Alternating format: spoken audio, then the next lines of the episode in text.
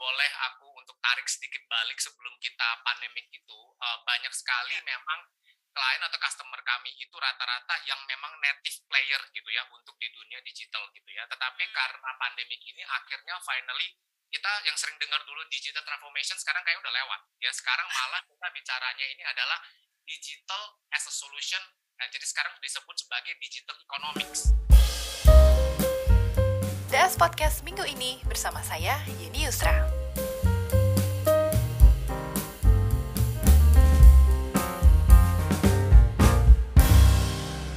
Hai Arifin, apa kabar? Halo, selamat siang. Thank you Mbak Yeni. Ya, saya doing great. Uh, what about you? Oke, okay, baik nih. Uh, langsung aja ya kita dive into the conversation. Tapi mungkin sebelum kita tanya jawab lebih detail, Arifin bisa jelasin insider sebenarnya apa sih?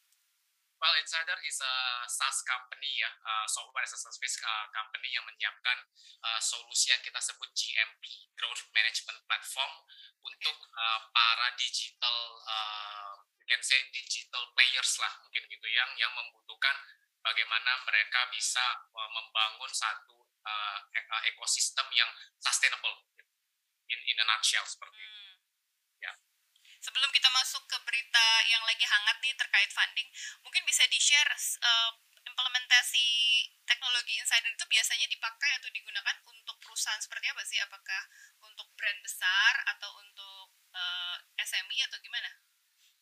Ah, baik, baik, baik. Good questions. Jadi uh, untuk uh, apa namanya siapa yang menjadi klien kami ini terus terang we are having a, at the prime moment sekarang ya terus terang karena kalau boleh aku untuk tarik sedikit balik sebelum kita pandemik itu uh, banyak sekali ya. memang klien atau customer kami itu rata-rata yang memang native player gitu ya untuk di dunia digital gitu ya. Tetapi hmm. karena pandemik ini akhirnya finally kita yang sering dengar dulu digital transformation sekarang kayak udah lewat ya sekarang malah kita bicaranya ini adalah digital as a solution nah, jadi sekarang disebut sebagai digital economics ya ya di mana sekarang kita mau belanja aja kita go to one of the platform bisa uh, web app atau web gitu ya dan kita hmm. bisa fulfill what, what we need gitu nah jadi hmm. untuk uh, siapa prospek kami atau klien kami banyak sekali. Terus terang kita sudah memiliki kira-kira 100 klien sekarang, tetapi kita akan add more karena finally ada dua tipe nih uh, Mbak Jenny untuk uh, prospek kami sekarang. Dari yang offline ke online atau banyak sekali sekarang yang sudah memang native-nya digital.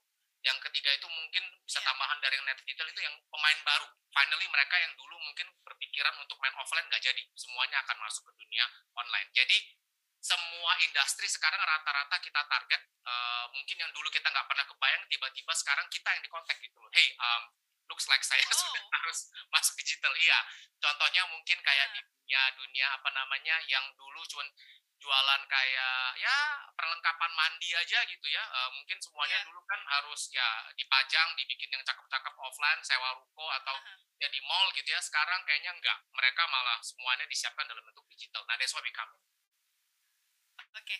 kalau yeah. kita lihat uh, platform seperti ini kan di Indonesia sudah banyak ya. Uh, correct me if I'm wrong, Arifin. Apa sih keunggulan dari Insider yang membedakan dengan platform lain dan apa strateginya sampai saat ini bisa tetap akses nih meskipun sempat di uh, ada mungkin pandemi sempat menghambat ya atau ternyata ya, tidak ya. terpengaruh sama sekali. Ya, betul sekali. Jadi untuk pemain ini sebenarnya crowded ya sekarang ya. Yeah terutama permainnya pemain yang baru atau mungkin kalau boleh sorry nih Pak Basuri sedikit gitu ya pemain yang tanggung-tanggung tuh banyak banget gitu ya. ya. Nah tapi kalau uh, untuk menjawab kebutuhan ini seperti kayak solusi kita siapkan ini itu sebenarnya tidak simpel. Mungkin saya kasih jawab dengan contoh-contoh gitu ya. Nah untuk menjawab kebutuhan market Indonesia itu ya culture kita tuh cukup unik gitu ya. Nah ambil contoh deh gitu ya. Uh, untuk di digital itu bisa email ya, bisa WhatsApp, bisa mobile app, bisa app gitu ya banyak sekali lah sebenarnya yang yang bisa apa namanya kita engage gitu ya yeah. tetapi untuk untuk culture Indonesia itu tuh kita mesti cari tahu sebenarnya siapa yang membaca email siapa yang enggak apa namanya um, let's say yang lebih suka WhatsApp gitu ya nah. Uh, solusi insider ini tujuannya adalah membuat seamless journey itu sebenarnya untuk yang misalkan saya sudah masuk app saya masuk web supaya experience-nya sama gitu Nah, terus bagaimana kita juga mau menilai sebenarnya kayak Arifin ini lebih cocok di app atau web? Atau dia lebih suka baca email? Ya kan? Mungkin kalau kita di kota-kota besar, semuanya akan menggunakan email ya. Tapi kalau kita kayak mau mengirimkan promo, kalau kita mau mengucapkan terima kasih gitu ya, apakah kita harus email untuk ke semua uh, user belum tentu.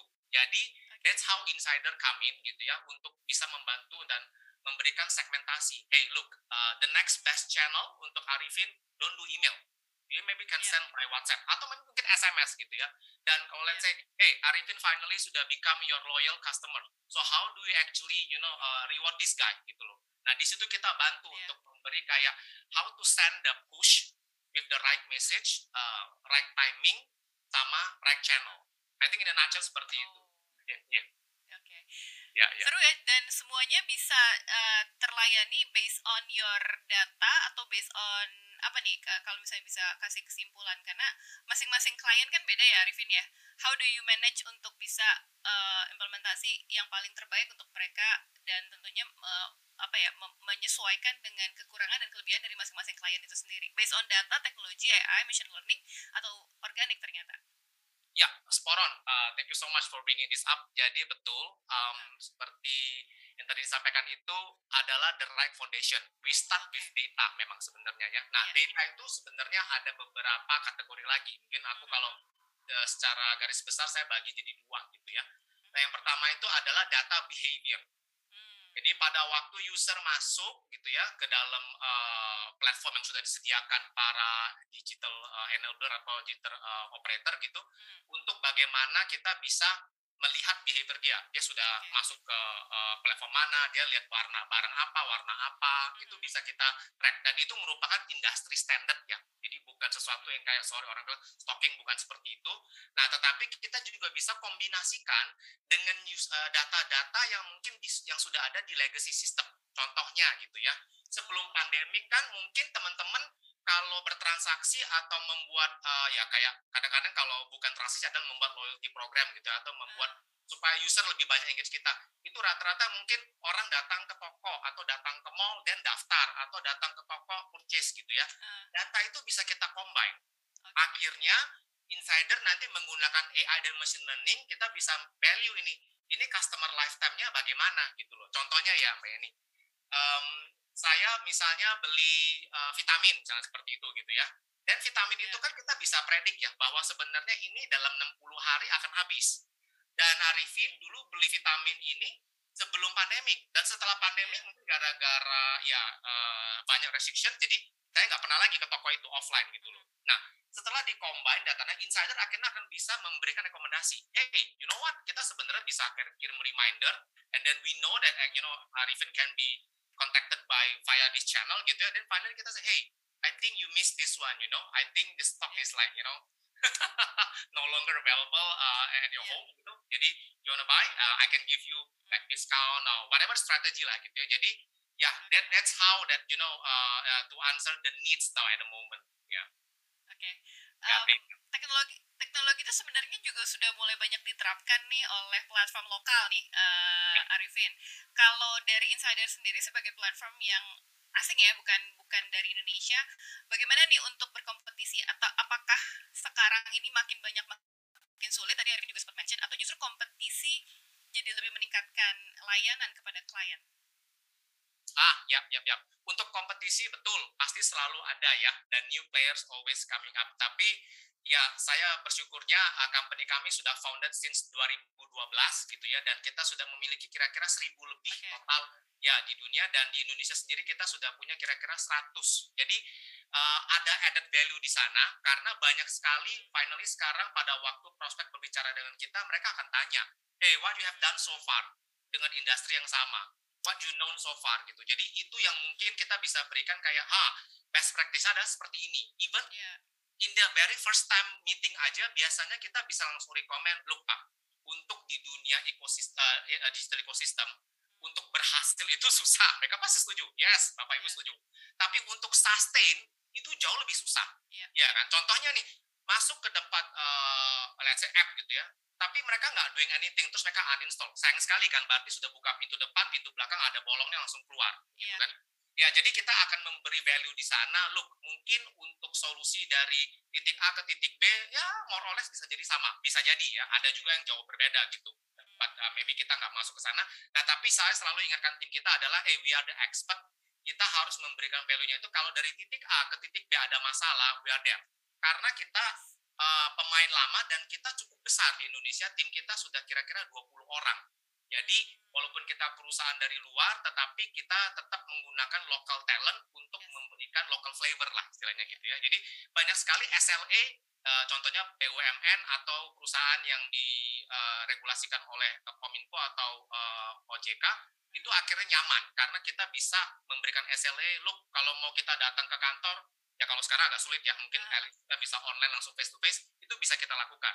Mungkin kalau di compare yang pemain baru atau yang mungkin dari luar yang ya, mungkin lokal pun kadang-kadang aku juga dengar SLE-nya belum sanggupin ya. Dalam dua jam harus sudah bisa solve atau mungkin uh, datang untuk berdiskusi gitu. Ya jadi okay. ada perbedaan besar sih kayaknya di sana. Ya, dari, dari sisi teknologi lebih advance dan lebih mature ya, ya insider bisa Betul, seperti itu. ya kita udah punya best practice-nya banyak dan ya. uh, dari pertama kali meeting pun kita langsung kasih tahu ini yang harus dilakukan Bapak Ibu kalau belum punya. Jadi kalau enggak sudah akan susah untuk berkompetisi. Setelah kita jalankan yang mandatory journey ini, baru kita bicara nanti yang yang ya yang orang ada yang bilang kosmetiknya, atau dibilang itu pemanisnya gitu ya karena setiap perusahaan kan pasti memiliki flavor yang beda-beda gitu ya tapi kita start dengan yang foundationnya dulu gitu ya dari sisi klien saat ini lebih banyak FMCG atau ternyata udah mulai diverse nih Arifin khususnya di Indonesia? Um, terus terang betul uh, sudah mulai diverse. Sebelumnya memang kita betul-betul mencari perusahaan yang sudah kayaknya pemain di digital uh, native gitu ya memang dari awal maksudnya mungkin okay. yang sudah ya tidak pernah punya offline offline tapi ternyata sekarang kita bicara banyak dengan uh, perusahaan yang dari offline ke online terutama yang enterprises oh. Mungkin enterprises dulu kan nyaman dengan apa yang mereka lakukan memang betul yeah. itu bukan salah mereka juga untuk berubah hmm. itu tuh sulit untuk mengatakan this is the best way for us gitu kan. Mm-hmm. Tetapi gara-gara kembali lagi pandemik ini kayaknya ya saya juga kebetulan ada ngobrol uh, ini dengan beberapa teman saya yang merupakan CTO ya Chief Transformation Officer. Wah mereka info ke saya this is the best time karena dulu yeah. mereka benar-benar harus speech, eh let's do this, let's do this. Orang pasti hmm, benar ya, gitu ya. ya. Hmm. Tapi kalau sekarang Enggak, mereka malah yang datang, hey man, let's let's have some budget, you know, let's do this, let's do that gitu ya. Karena no no no, kita nggak bisa lagi menggunakan cara yang lama. If not, kita akan ditinggal oleh sejarah gitu kan katanya. ya jadi uh, ya pandemi untuk bisnis uh, platform SaaS seperti Insider ya. Ya, betul betul. Blessing in disguise bisa dikatakan seperti itu atau mungkin is the hmm. right moment juga lah mungkin gitu ya. Yeah. Of course ya, sorry for the loss yang di pandemic ini uh, yeah. of course ya, tapi ya uh, di balik itu mungkin kita juga bisa pelajarin untuk bagaimana kita bisa lebih praktis lebih efisien lah gitu di lifestyle kita. Uh, baru-baru ini kan baru terima Series D ya dan yes. menyandang status unicorn. Untuk Indonesia sendiri dari funding itu ada rencana nggak dari uh, kantor pusatnya? Atau ternyata dibagi-bagi nih? Ah. Indonesia mungkin nanti dulu atau ternyata Indonesia so far the biggest market? Eh, can I say that or correct if I'm wrong? thank you, thank you, thank you. Uh, Yuni. Jadi kalau untuk yang terbesar uh, mungkin kita second uh, untuk market oh. biggest di di Asia yaitu di Asia. Ya, uh, tapi of course, ya uh, thank you again. Mungkin saya mulai dengan thank you dulu ya, izin gitu. Jadi ini tidak akan bisa terjadi jika uh, kita tidak dipercaya oleh klien-klien kami sebelumnya, sehingga ada investor yaitu QIA uh, yang akhirnya invest kepada kami kali ini di Series D kita closing dengan 1,75 T kalau dirupiahkan. Ya. Nah jadi the next step-nya of course ya uh, uh, dengan series fund ini digunakan untuk ekspansi dan perkembangan solusi kami gitu uh, dan dan yang terakhir adalah melupakan untuk ekspansi untuk di tim-tim kita gitu. Nah mungkin saya mulai dengan oh. teknologi gitu ya. Jadi teknologi kita kan memang di dunia digital ini ini sangat bergantung dengan lifestyle. Nah jadi kita akan yeah. terus enhance dan kita akan terus mencari jawaban untuk uh, address kebutuhan-kebutuhan ini. Karena kalau kalau saya kebetulan ya uh, generasi tahun 80-an lahirnya gitu ya. Zaman dulu beneran saya kalau bayar kuliah aja itu ya nggak bisa pakai digital gitu ya, harus ngantri di teller istilahnya gitu ya. Kalau sekarang kan kayaknya wah gampang sekali saya bayar anak sekolah saya punya uh, school fees aja ya ya benar-benar sudah uh. ya benar-benar kayak anytime kapan diingetin dia langsung bayar aja gitu ya yeah. jadi ya that's why kita harus invest di sana juga to innovate hmm. again and again gitu ya untuk to address the needs uh, even tadi kita pernah uh, ada touch sedikit lagi mengenai uh, machine learning AI itu juga sangat penting untuk kita bisa predik lah istilahnya kalau kita tahu bahwa strategi not working the end of the month atau the end of the year kayaknya nggak zaman lagi sekarang sudah harus even on the fly eh ini sekarang per saat ini uh, kita bisa tahu nggak uh, campaign yang A ini sekarang kita udah jalanin berapa orang sih yang buka app kita, berapa orang yang udah install, berapa orang yang udah transaksi itu bisa kita lakukan sudah. Yeah. Ya, tapi kita akan terus lakukan lagi banyak lagi untuk machine learning supaya kita bisa predik gitu ya. Wow. Nah yang kedua adalah tiga tahun lalu uh, tim kita itu sudah kita expand tiga kali lipat 300 persen. Ya, hmm. dengan Siristan lagi ini, of course kita sekarang sudah aim uh, tiga kali lagi oh. di tahun 2025 mungkin kita bisa raise like maybe 300% dan target kita adalah 50 headcounts untuk di Indonesia sendiri. Ya, wow. karena saya sendiri pribadi percaya ya people is asset gitu ya dan bagian yeah. dari culture kami adalah uh, we put people first. Nah, dari our people itu only can provide best service gitu kan, hmm. best consultancy gitu ya dari delivery dan support juga gitu. Hmm. Nah, nah in this business there is no shortcut, there is no magic. That's why when we bring out our people gitu ya, that's the time that we gonna have the show time gitu ya, how to bring five cents idea jadi 5 juta dolar gitu ya nih. Seru banget ya. Uh, tapi kalau misalnya kita lihat Uh, memang sangat excited banget ya bisnis ini uh, sebagai tech writer gue juga sempat beberapa kali wawancara platform serupa yang lokal dan yang asing dan targetnya tuh sama gitu mirip-mirip Arifin forecast atau prediction seperti itu ya kalau Arifin ngelihatnya platform SaaS untuk kegiatan pemasaran seperti insider saat uh, ke depannya di Indonesia tuh uh, trennya seperti apa sih apakah akan uh, spike atau ternyata karena udah terlalu banyak jadi stagnan uh, stagnan aja tidak ada perubahan atau correct me if I'm wrong ternyata nanti secara organically hanya the, the strong one yang survive Ah, ya, ya, ya, ya, ya. Jadi prediction aja Arifin, prediction. Prediction ya. ya, prediction um, saya pribadi memang ini memang bakal menjadi tough market ya. Uh, karena terus terang ya ini uh, kalau kita lihat behaviornya ya, saya bicara berdasarkan data gitu, behaviornya gitu ya. Yeah. Saya bisa masuk ke dalam satu super app gitu ya, dengan gampang kan? Saya masuk, mm -hmm. saya search gitu ya dan saya cari tahu barang yang saya mau gitu ya. Tapi bukan berarti saya bakal belanja di sana loh. Betul ya? Jadi saya malah bisa hanya membandingkan, padahal kadang-kadang kita bisa lihat, eh si Arifin ini sudah add to the cart loh, sudah add as, uh, pun as, as favorite loh, tapi kok udah tiga hari iya. nggak nggak belanja, malah akhirnya bisa pindah dengan gampang ke super app yang iya. lain, terus saya transaksi di sana. Nah itu yang memang uh, banyak faktor yang harus mendukung supaya finally itu semua bisa terjadi di uh, ya the first time saya landed di sana gitu ya. Oh. Uh, kalau saya boleh share banyak best practice-nya sekarang yang pasti saya yakin akan yakin akan evolve lagi. Contohnya, when people go to uh, digital platform gitu ya, jangan sampai ini mungkin tips juga gitu ya, untuk mencari satu barang itu harus klik lebih dari tiga kali. Ternyata mereka nggak suka dan menurut saya saya juga pribadi mungkin agak yeah. sulit untuk terima oh saya cari barang mesti klik udah tiga kali itu lama banget untuk dapat informasi gitu ya yang ketiga adalah untuk saya eh, yang kedua adalah saya untuk check out gitu ya saya nggak mau klik dari lebih dari lima kali nah itu aja uh, sebenarnya as a, as a enterprise atau sebagai business owner gitu ya sangat sulit untuk mendesainnya juga gitu loh. Bagaimana sih saya untuk make sure dari tiga kali dia klik dapat barang yang dia cari gitu ya. Ya tapi of course lah that's how insider juga bisa bantu untuk uh, hey ini best practice-nya gitu ya. Jadi kita bikin desainnya bagaimana kita bisa bantu rekomend lah seperti itu.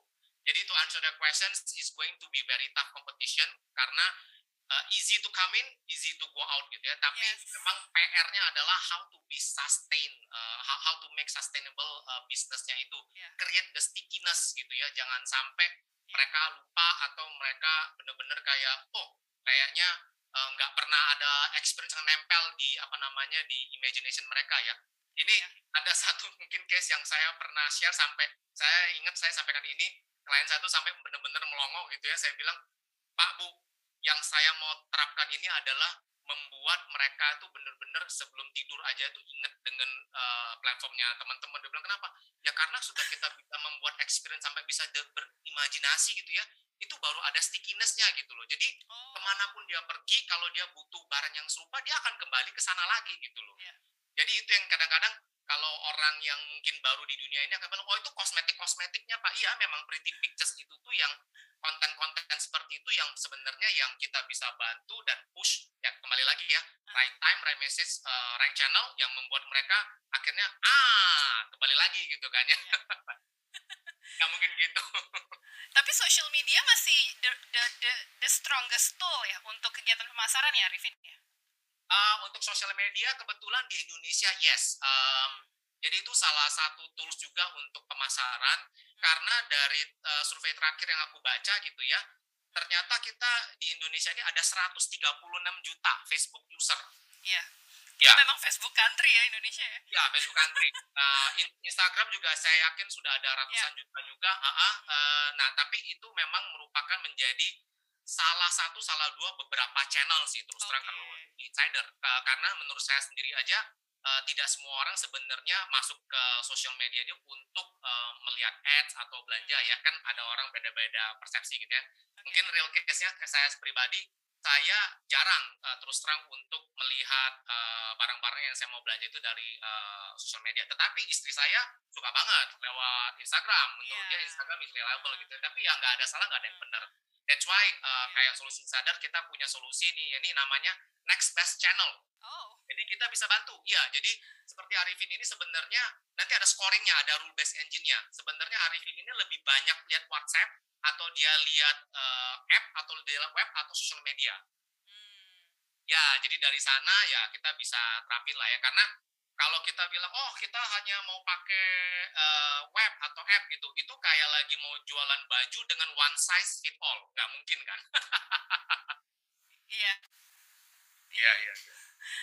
kalau belanja aja kan kalau cuma one size kan males gitu ya pilih yang lain iya jadi apa tadi namanya the next next best channel next apa tadi namanya next best channel next best channel oke okay. ya itu uh, dari kalau dari Insider sendiri sekarang sudah berapa sih klien uh, enterprise-nya, Arvin?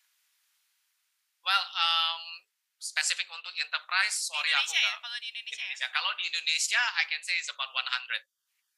Oh. Yes, about 100, ya. Yeah, yeah. Dan targetnya akan double uh, berapa lagi nih sampai akhir tahun ini?